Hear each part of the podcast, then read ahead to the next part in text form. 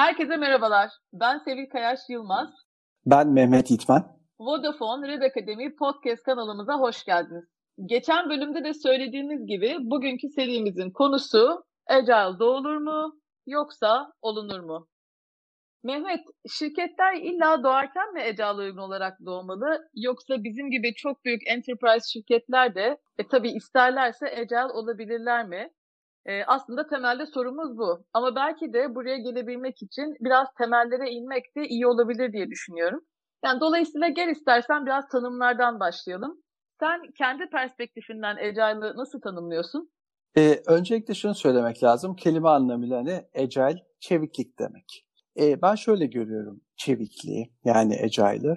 Bir şirketin, bir grubun ya da bir kişinin yeni koşullara adapte olabilmesi Bundan da öte gerektiğinde kendisini baştan yaratıp yön değiştirebilmesi demek benim için Agile. Aslında burada bana sorarsan kendini baştan yaratabilme kavramı önemli, ön plana çıkıyor. Yani aslında gerektiğinde bildiğini unutup yerine yenisini koymaktan bahsediyorum. Yani özetle Agile, adapte olabilme ve yenilenebilme yeteneğini vurgulayan yeni bir iş yönetimi olarak tanımlanabilir. Süper. Şimdi sen böyle söyleyince hakikaten böyle bir organizasyon veya iş yönetiminin çok daha ötesinde hani böyle daha çok bir çalışma kültürü, çalışma prensibini daha fazla çağrıştırıyor bu tanım bana. Yani aslında söylediğinde de çok haklısın. Günün sonunda şirketler değil bir tek insanlar da agile ola, olabilirler birey olarak. Ee, biz bu konuda aslında biraz agility'nin agile'dan çok daha önemli olduğunu düşünüyorum ben.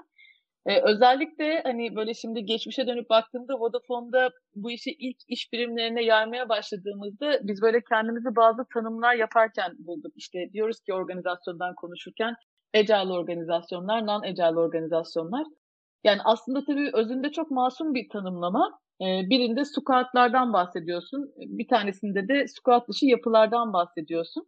Ama aslında şey var günün sonunda hani bir organizasyonun agile olması için illa da tribe mantığında, tribe yapısında çalışmasına gerek yok. Dolayısıyla mesaj olarak bakarsan da hani niyet masum ama mesaj biraz kötü gözüküyor.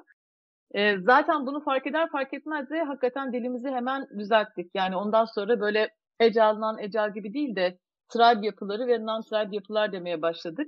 Yani aslında çok basit böyle baktığında ama biliyorsun her şey dilde başlıyor. E, dolayısıyla da bence dili de doğru konumlamak herhalde hepimizin hayatında çok önemli. Peki şeyi sorsam sana yani niye ve nereden çıktı şimdi Ecel durup dururken sence? Ee, öncelikle şeye yüzde yüz katılıyorum. Dil çok önemli. Dönüşümü e, ilerletebilmek, e, o değişimin mesajını ve nereye gitmek istediğimizin e, temeline ulaştırabilmek için aslında çok önemli. Ama e, senin de dediğin gibi çevik olmaktan bahsediyoruz ve bu noktada da aslında tek bir yöntem de yok çeşitli e, yaklaşımlar var. Bu yaklaşımları e, belki ilerleyen serilerimizde de zaten daha detaylı birlikte konuşuyor da oluruz. Soruna geri dönecek olursam nereden çıktı bu Agile? Evet, e, biraz geriye gidip bakmak gerekiyor olacak. Öncelikle içinde büyüdüğümüz 20. yüzyılın iş yapış şeklimize ve yönetim anlayışımıza bakalım isterim. Hızlıca sonra Agile'a ve bugünlere geliriz diye düşünüyorum. Şimdi 20. yüzyıl iş hayatımıza baktığımızda e, bunu şekillendiren ana unsurun sanayi devrimi olduğunu söyleyebiliriz. Sanayi devrimi hayatımıza temelde aslında makineleşmeyi ve üretim odaklı bir ekonomik modeli bununla birlikte de tabii ki iş yapışını getirmiş oldu. Bu anlamda 20. yüzyıl organizasyonlarını aslında ele aldığımızda bu organizasyonların da birer makine gibi kurgulanmış olduğunu görüyoruz. Kusursuz işleyen, kusursuz işlemesi için operasyonu tasarlanmış dev şirket organizasyonları karşımıza çıkıyor. E yine biraz daha detay bakacak olursak bu 20. yüzyıl dev şirket organizasyonları Ford'un mucidi olduğu seri üretim bandı akışına benzeyen bir şekilde fonksiyon bazı departmanlar şeklinde tasarlandı. Yine şimdi Ford'a atıfta bulunmuşken e, Taylor'dan da bahsetmeden olmaz. Taylor'ın ortaya atmış olduğu bilimsel yönetim teorisinden gelen Tinker-Do ayrımını yani keskin bir işveren ve işçi ayrımını da diğer bir ana unsur olarak 20. yüzyıl organizasyonlarında görüyoruz. Evet, şimdi bir endüstri mühendisi olarak bence beni çok güzel bir yerden yakaladın. Bilmiyorum biliyorsun ben endüstri mühendisliği mezunuyum. Yılını sorma kaç mezunu diye bence bir önemi yok. Fark etmiyor hangi yılda mezun oldun her türlü oluyorsun. Ee, ama kendi adıma bu konuyu sabaha kadar konuşabilirim. Güzel konu. E, biliyorum senin mühendisliği olduğunu, meslektaşız seninle. E, e, belki şunu konuşmuş muyduk hatırlamıyorum. Endüstri mühendisliğini okurken en sevmediğim dersler de aslında şu anda konuşmakta olduğum dersler. Ama hayat çok enteresan. Üniversitedeyken çok sevmediğim dersler de olsa son 13 yılımı hayatımın hatta daha fazlasını bu alana profesyonel olarak adamış durumdayım. Şimdi devam edecek olursam, madem ilgini çekti senin de sanayi devriminden, sanırım şunu söyleyebiliriz. Sanayi devrimi örneğinde olduğu gibi o devri tanımlayan teknolojik atılımın doğası o devrin yaşam ve iş yapış anlayışını da şekillendirir. Şimdi sanayi devrimini geride bıraktık. Sanayi devrimiyle gelen yönetim anlayışımızı da bu yüzden geride bırakmamız gerektiği anlamına geliyor. İçinde bulunduğumuz yeni yüzyıl dijital devrimle şekillenen yepyeni bir çağ. İşte bu yüzden de dijital devrimi tetiklemiş olan yazılımcıların 90'larda ortaya atmış olduğu ve 2001'de de adını Ecel olarak koymuş oldukları çalışma şeklinin bu yeni devrin ana iş yapış mekaniğini oluşturmakta olduğunu söyleyebiliriz. Peki bir şey söyleyeceğim sana. Bu dijital devrim çağından sonra yine tekrar tarıma döneceğimizi iddia edenler var biliyorsun. Sen ne diyorsun bu işe? Sence başa dönecek miyiz tekrar? Valla ne güzel olur ya. Ben de istiyorum tarımda biraz uğraşmak aslında. Ee, İstanbul'da da e, sıkışık kaldık aslında evlerimize. Bence güzel olur. O anlamda güzel bir nokta. Şaka bir yana ben bu döngülerin varlığına inanıyorum. Ama bunları bir geri dönüş olarak görmüyorum. Şimdi baktığımızda sanayi devrimi de tarımın sanayileşmesine yol açmıştı aslında. İyi ya da kötü tartışılır tabii. Ee, sanayi devrimiyle birlikte yani tarımın sanayileşmesiyle birlikte insan nüfusu da hızla artabildi. Ama bu ayrı bir tartışma konusu sanırım. Şimdi tarımda verim adına yapılan bu sanayileşmenin zararlarını görüyor ve aslında dijital çağın yeni anlayışıyla, yeni getirmiş olduğu anlayışla birlikte bu yeme içme ihtiyacımızı gidermek için daha doğayla uyumlu çözümler arıyoruz. Yani aslında baktığımızda bu bir geriye dönüş değil bence. Temellerimizi evrimleştirmek sadece. Şimdi Agile'ın tanımından bahsederken Agile'i uyum ve gelişim ile de özleştirmiştik. O yüzden şu anda aslında olan bana göre insanlık yeni bir şey icat etti ve hem kendisini hem de yaşam alanını da buna uyumlamaya çalışıyor diye düşünüyorum. Sanayi devrimi birçok artısının yanı sıra sanırım insanlığın aç gözlülüğünün zirvesi oldu. Kötü haber ama o, o günlere geride bıraktık bence. Umarım e, buradaki e, o geride bırakmış olduğumuz dönemdeki yanlışlarımızı daha az tekrarlayarak önümüzdeki yolculuğa devam edebiliriz diye düşünüyorum. Süper. Bu güzel temenniye biz de inşallah diye e, katılmış olalım. Peki o zaman hani Ecail'ın bu kadar yazılım ve teknolojiyle anılmasının nedeni de herhalde bu dijital çağ olsa gerek. E, doğduğu alan çünkü burası. E, peki şunu sorsam Mehmet, hani Ecail'ın bazı prensipler üzerine kurulduğunu da biliyoruz. Hani biraz o prensiplere değinebilir misin? Neler var gerçekten hani prensip olarak önemli olan Ecail'ın içerisinde?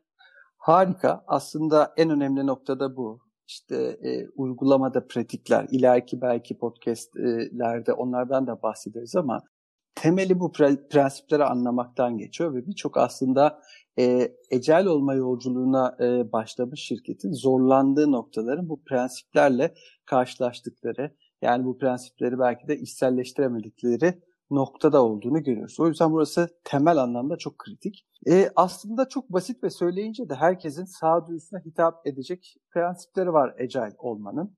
Öncelikle e, başlayacak olursak insan odağı ve takım oyunu vurgusundan sanırım bahsetmek gerekir. Agile yapıda başarının anahtarı işte cross-functional diye tanımladığımız multidisiplinler yani yetkin, güçlü ve küçük takımlar. Burada takım deyince klasik anlamdaki şirketlerde anladığımız e, takım oyunundan biraz farklı bir şeyden bahsediyoruz. Şöyle tanımlıyoruz onu da. Aslında bir amaç etrafına e, toplanmış. Bu amaca ulaşmak için uçtan uca tüm sorumluluğu kendi üstüne almış. Böylelikle kendi kendilerini yöneten ki buna otonomi diyoruz biz bir e, takım organizasyonundan bahsediyoruz.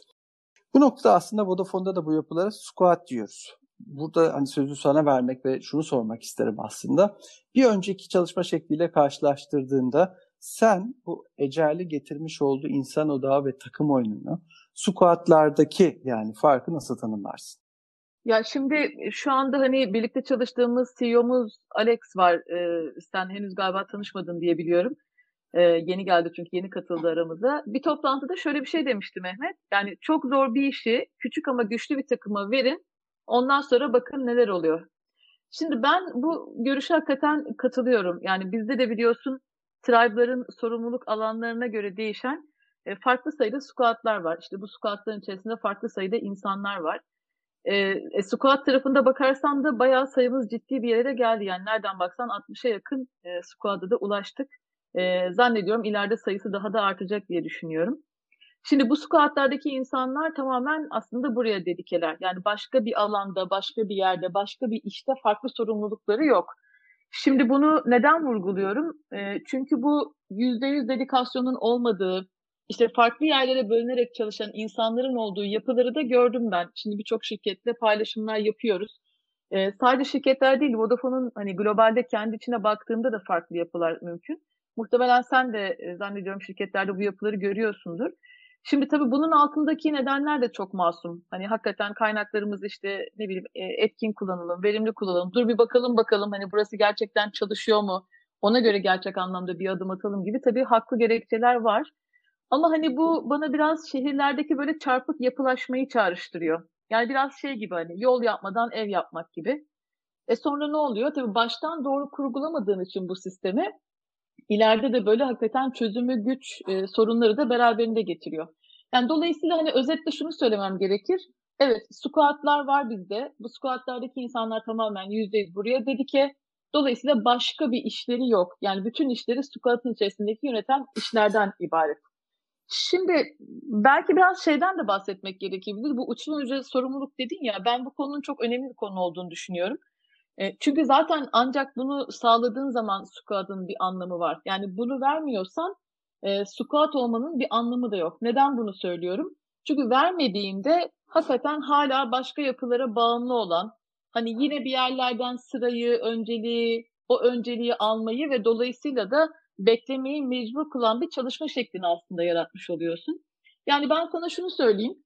E, ya Vodafone'daki dönüşümden elde ettiğimiz öğrenimlerin bana sorarsan hani belki de en başında bu geliyor. Yani bağımsız, kendi içinde işleyen squat yapılarının baştan kurgulanabiliyor olması.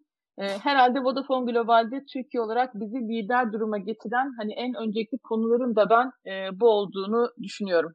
Yüzde yüz katılıyorum Sevil sana. Hatta belki de e, bizim ilerleyen e, podcastlerimizden bir tanesinin konusu da bu olabilir. Buna e, özellikle değinebiliriz. E, takımların bağımsızlığı, multidisipliner yapısı ve otonomiyi nasıl güçlendirebileceğimize yönelik belki e, bir fikir tartışması da güzel bir konu olarak karşımıza çıkabilir diye düşünüyorum. E, şimdi ecel prensiplerden e, konuşmaya başlamıştık. İnsani yapı ve işte takım olgusu diye e, ilk e, belki de girişi yapmıştım. Sanırım e, buna devam edecek olursak bununla birlikte müşteri odağından bahsederek devam etmek gerekir. Ecel anlayışta müşteri ihtiyacı tüm çalışmaları yönlendiren temel dürtü aslında. Bu yüzden de ihtiyaca yönelik en değerli, en küçük parçanın bir an önce kullanıma çıkartılması, bunun üstünden geri bildirimlerin alınması, verilerin toplanması ve veriye dayalı karar verme, karar verirken de tabii ki ihtiyaç odaklı bir önceliklendirme ile ilerlemekten bahsediyoruz. Aslında tabii böyle anlatınca bir prensibi daha e, söylemiş olduk Agile ile ilgili. Agile deneysellik üstüne kurulu. Agile en yüksek değeri üretebilmek için deneyler yapmaya, deneylerden öğrenerek gelişmeye ve bu sayede de inovasyonu tetiklem, tetiklemeye odaklanıyor diyebilir sanırım.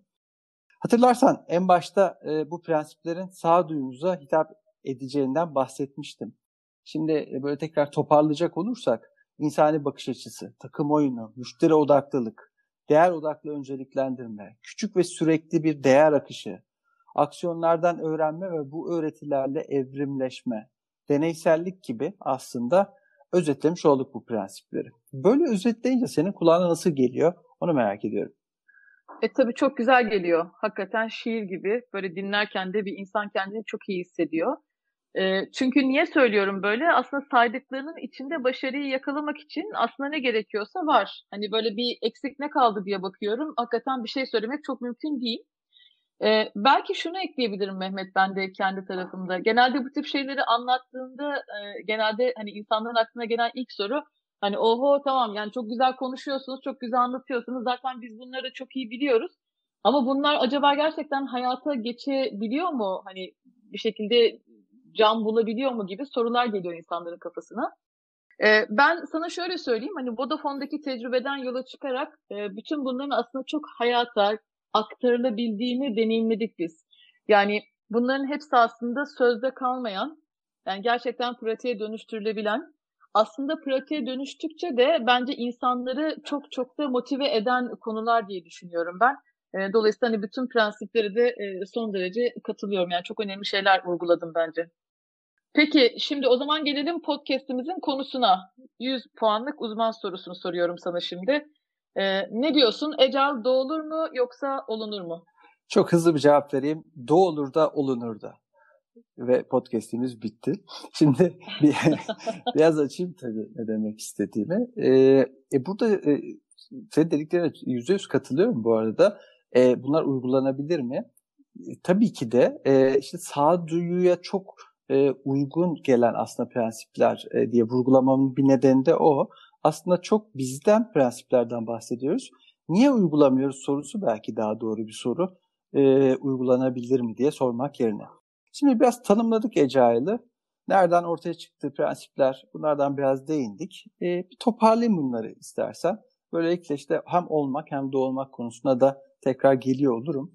Şimdi Agile bir şirket deyince neyden bahsediyoruz? Biraz bunu belki anlamak e, burada bir ek e, bilgi e, yaratmak açısından güzel olacaktır. E, bunu aslında cevabını verebilmek için günümüzü şekillendiren dijital devrimin doğasına bir bakmak gerekiyor. Şöyle birkaç perspektiften şu dijital dünyayı bir tanımlayalım. Onun aynısı aslında iş hayatı demek olacak demiştik. Aynı şey çünkü sanayi devrimiyle birlikte de hayatımıza girmişti diye bahsetmiştik. Şimdi dijital dünya ilk özelliği galiba şu, merkezi olmayan dağınık bir yapısı var. Hani internetten bahsediyoruz dijital dünya deyince. İnternetin bir merkezi var mı? Yok. Bu doğrultuda da aslında çevik yeni dünyada da merkeziyetçi fonksiyonel yani departman yapıları yerine işte bahsetmiş olduğumuz bu multidisipliner küçük takımlardan oluşan ağlar şeklinde yepyeni bir organizasyon yapısı görüyor ol, olacağız. Dijital dünyaya yine bakmaya devam edecek olursak, e, dijital dünya yaşayan ve etkileşimlerle sürekli gelişen bir yapıya sahip. İşte bu da işin mekanik ve statik piramit yapılar yerine yaşayan ve evrilen organik yeni bir forma dönüşüyor olduğunu bize gösteriyor Ecel Yeni Dünya'da. Şimdi bu e, iki ilk iki konuda Vodafone Türkiye içinde bakacak olursak yani takım bazlı ağ organizasyonu ve bunun sürekli adapte olması konusunda bence Vodafone Türkiye epey iyi bir noktada diye söyleyebilirim. Bilmiyorum sen ne düşünürsün bu iki doğru. perspektiften baktığımızda? Doğru yok. E, bence çok doğru katılmamak mümkün değil. Hatta ben sana şöyle söyleyeyim. Şimdi ben bazen hani böyle iki buçuk sene öncesine gidiyorum. E, özellikle iş bilimlerine ecalı yayarken e, o ilk başlangıç noktamıza tekrar dönüyorum. E, orayı hatırladığım zaman hakikaten şaşkınlığım her seferinde daha da büyüyor. Neden? Çünkü hani o gün gerçekten bütün bunları yapacağız dediğimiz o ekosistemi düşündüğümde çok zor geliyordu. Ama şimdi geldiğimiz noktada hakikaten bunu nasıl başardık diye her seferinde böyle biraz gururla, biraz şaşkınlıkla e, hakikaten geriye dönüp bakabiliyorum. E, şimdi bana sorarsan da işte bunun altında Ecel'in insanı temel eden prensipleri var diye düşünüyorum ben. Yani onların çok etkileri var. Çünkü o kadar insani ki hani onları kabullenmek, gerçekten isterleştirmek e, çok daha kolay oluyor. Belki de ben hani burada diğer değişimlere, dönüşümlere göre nedir bunun kolay tarafı dersen aslında insanı temel alan prensipler denebilir. Ya çünkü neticede hani ben 20 seneden fazladır insan kaynaklarında çalışıyorum. Yani neticede her şey insanda bitiyor. Yani orada bir şeyleri yakalayabilirsen yaratmaya çalıştığın o değişim ve dönüşüm bence çok herkes tarafından kabul edilen yani mutlaka bütün değişimlerde zorluklar var ama çok daha belki kolay kabul edilebilen bir değişim ve dönüşüm oluyor diye düşünüyorum. Çok doğru, çok doğru bir nokta. Ee, bir önceki yüzyıl biraz insana rağmen işi tanımlamıştı. İşte şimdi biraz insanla birlikte iş e, tanımına doğru gidiyoruz diye düşünüyorum ben. E, şimdi Ecel Şirket dedik, dijital dünyaya, internete bakalım e, ve oradan tanımlama e, tanımlayalım demiştik. Buradan devam edecek olursak yine işte internetin patronu kim diye sorabiliriz. İnternette otorite kim? Sanırım hani net bir otorite varlığından bahsetmek mümkün değil. Bu anlamda da Ecel yeni dünyada gücün takımlara geçtiğini ve otokratik yönetim anlayışının yerini hizmet eden liderlere bıraktığını görüyoruz. E, bu ciddi karın ağrısı olan bir nokta, bir dönüşüm alanı. Öyle ki birçok ecel dönüşümde olan şirkette ki sadece Türkiye için değil tüm dünya geneli için söylüyorum bunu. Henüz bu alanda istenilen noktaya gelinebilmiş değil. Yani yöneticilerin hizmet eden lidere, liderlere dönüşümü noktası biraz bu işin zorlu noktalarından bir tanesi diye görüyorum. Bu noktada sana da Vodafone Türkiye'deki bu alandaki deneyimleri e, sormak isterim. Sen nasıl görüyorsun e, yöneticilerin hizmet eden liderlere dönüşümü konusunda Vodafone Türkiye'nin gelmiş olduğu noktayı? Ben biraz şöyle düşünüyorum Mehmet. Yani her geçen gün daha da iyiye gittiğimizi düşünüyorum bir kere. Ama tabii hala gidilecek, e, kat edilecek çok fazla e, mesafe var.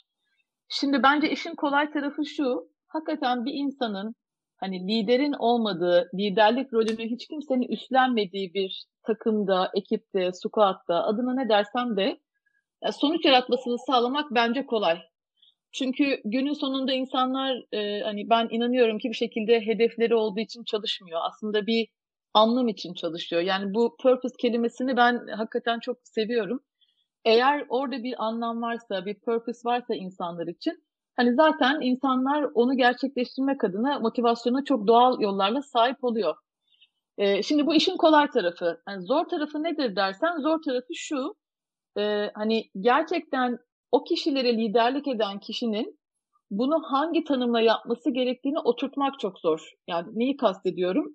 Yani agile yapı içerisinde gerçekten lider dediğimiz insanların, o rolü üstlenmesini beklendiğimiz, beklediğimiz insanların gerçekten nasıl bir tanımda bu liderlik işini yapacağını oturtmak çok zor. Hele bir de şimdi bunun üzerine şeyi de eklersen hani liderlik tanımının aslında Agile'dan da bağımsız her yerde değiştiğini, dönüştüğünü düşünürsen hani bunu konumlamak e, çok kolay olmuyor. Şimdi düşünsene hani ne kadar biz böyle hani bottom up desek de hani bugüne kadarki bütün yönetim şekillerinde her şey hep liderlerin üzerinden aktı. Yani bilgilendirme oradan geldi, inovasyon oradan geldi. Şimdi öyle bir yapıdan yıllar sonra tamamen otonom bir yapıya geçmek herhalde hiç kimse için kolay değil diye düşünüyorum ben. Ee, bir de yani şunu da unutmamak lazım. Hani hepimiz bu zamana kadar hep lider olmak noktasında güdülendik. Kariyerimizi bile hep böyle geliştirmek durumunda kaldık. Çünkü bize de öğretilen aslında hep buydu. Yani dolayısıyla bana sorarsan işin en zor tarafı bu. Ee, şimdi burası bence başlı başına konuşulabilecek konulardan bir tanesi Mehmet. Yani bu liderlik konusu bence çok kritik. Neye göre değişiyor, nasıl değişiyor, insanları hangi taraflar zorluyor, nerelerde kendilerini daha iyi hissediyorlar bunu da bence ayrı bir bölümde mutlaka konuşmamız gerektiğini düşünüyorum ben. Ama sana şunu söyleyeyim, belki bu herkese çok iyi bir fikir verebilir. Yani biz Vodafone'daki dönüşümde özellikle Squad'daki product owner rolünde hiç zorlanmadık. Yani bu rolün tanımı, beklentiler, bunların hayata geçmesi hakikaten bizim hiç zorlandığımız bir yer olmadı. Tam tersi çok böyle ilk günden beri kolaylıkla yerleştirdiğimiz ve kendi içinde akıp giden bir yer oldu. Ama en çok zorlandığımız konu chapter leader rolünü gerçekten pozisyonlamak, oturtmak, organizasyona katma değerini yaratmak anlamında oldu. İşte bana sorarsan da işte buradaki zorluğun da nedeni biraz da bu konuştuğumuz e, konu diye düşünüyorum. Harika bir özet. E, bence e, bizim e, ileriki podcast serilerimiz için epeyce başlık toplamış olduk bu sohbette. Belki sadece chapter lead rolüne yönelik bir e, seride e, bir e, bölümde de yer verebiliriz diye düşünüyorum. Şimdi e, şeye tekrar dönecek olursam e, hani Ecel şirketi tanımlıyorduk. Son olarak şunu belki söylemek mümkün. Dijital dünya ile e, gelen bilgiye ulaşım kolaylığı ve şeffaflığından sanırım bahsedebiliriz. İşte internette her şey çok kolay ulaşılabilir. E bu o zaman nasıl yansıyacak iş hayatına diye baktığımızda bence aynı şekilde ecel yeni dünyada da bilgi ve yeteneklerini kendisine saklayan bireysel bir bakış açısı yerine ki bir önceki yüzyıl biraz e, bunun ön plana çıktığını görüyorduk. Bunun yerine işbirlikteliği ve takım olgusunu şeffaflıkla birlikte ön plana çıkıyor olduğunu sanırım söyleyebiliriz. Burada radikal bir şeffaflığa gidilmesi gerekiyor. Yani kabaca tüm finansalların şeffaflığından bahsediyorum diye böyle o radikalliği belirtecek bir e, örnekte verebilirim. E, burası da kolay bir dönüşüm alanı değil tahmin edersin ki ama önümüzdeki dönemde sanırım daha çok bunun örneklerini uygulamalarını da görüyor olacağız. Şimdi 100 puanlık soruya geri döneyim. Özelliklerinden bahsettik Ecel şirketin. Bu özelliklerle doğmuş mu olmak gerekiyor Ecel bir şirket olabilmek için? Bana sorarsan hayır. Fakat bu özelliklerin tam olarak zıttını taşıyan günümüz dev şirketlerinin 180 derece değişmelerinden bahsediyoruz birçok anlamda. Bu olabilir mi? Valla bence yine evet. Ben buna inandığım için yaklaşık 15 yıldır aslında bu işi yapıyorum. Ancak burada şunu da belirtmek gerekiyor bence. Çok ciddi bir dönüşümden bahsediyoruz. Sen de söyledin liderlerle ilgili konuşurken temelde doğru bildiğimiz, güdülendiğimiz bazı alışkanlıkları bırakmaktan ve bu anlamda da korkularla belki de yüzleşmekten aslında bahsediyoruz. Ecel şirket olma yolculuğu içerisinde.